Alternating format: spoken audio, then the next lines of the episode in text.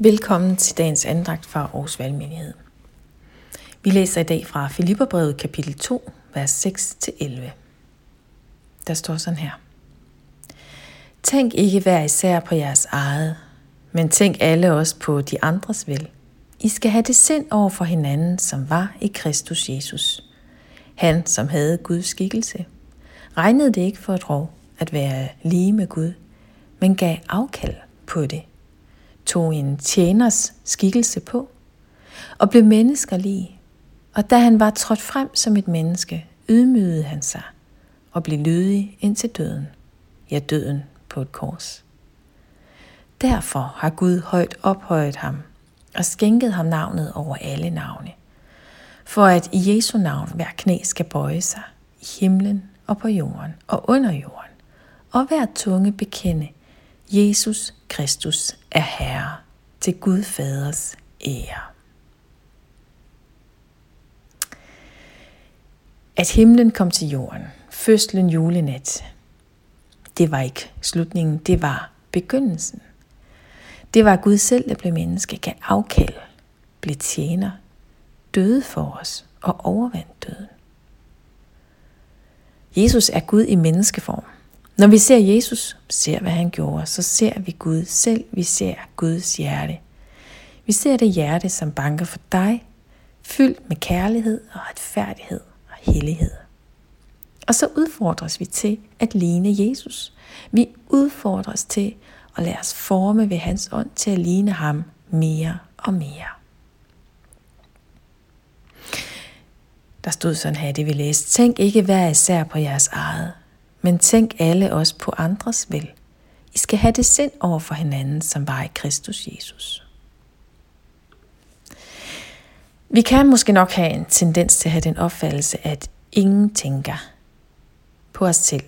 Ingen tænker på mig. Det er en grøft, vi lynhurtigt ryger ned i.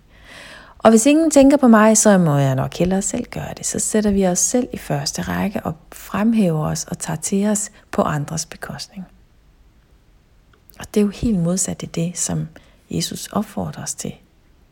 For sådan er Jesus jo ikke. Han tænkte først og fremmest på os, på dig, på mig.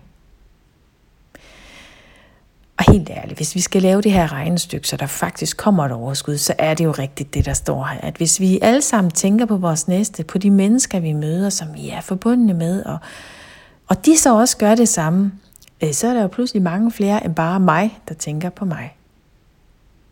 Og Jesus, han tænkte først og fremmest på dig.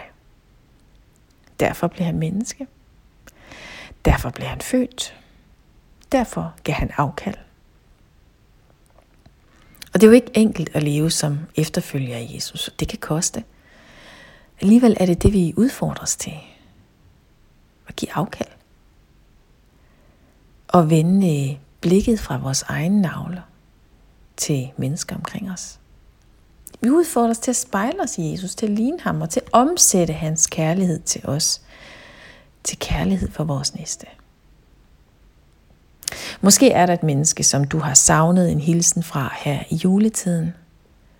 Men det kunne faktisk være, at det var dig, der havde overskuddet og muligheden for at række ud.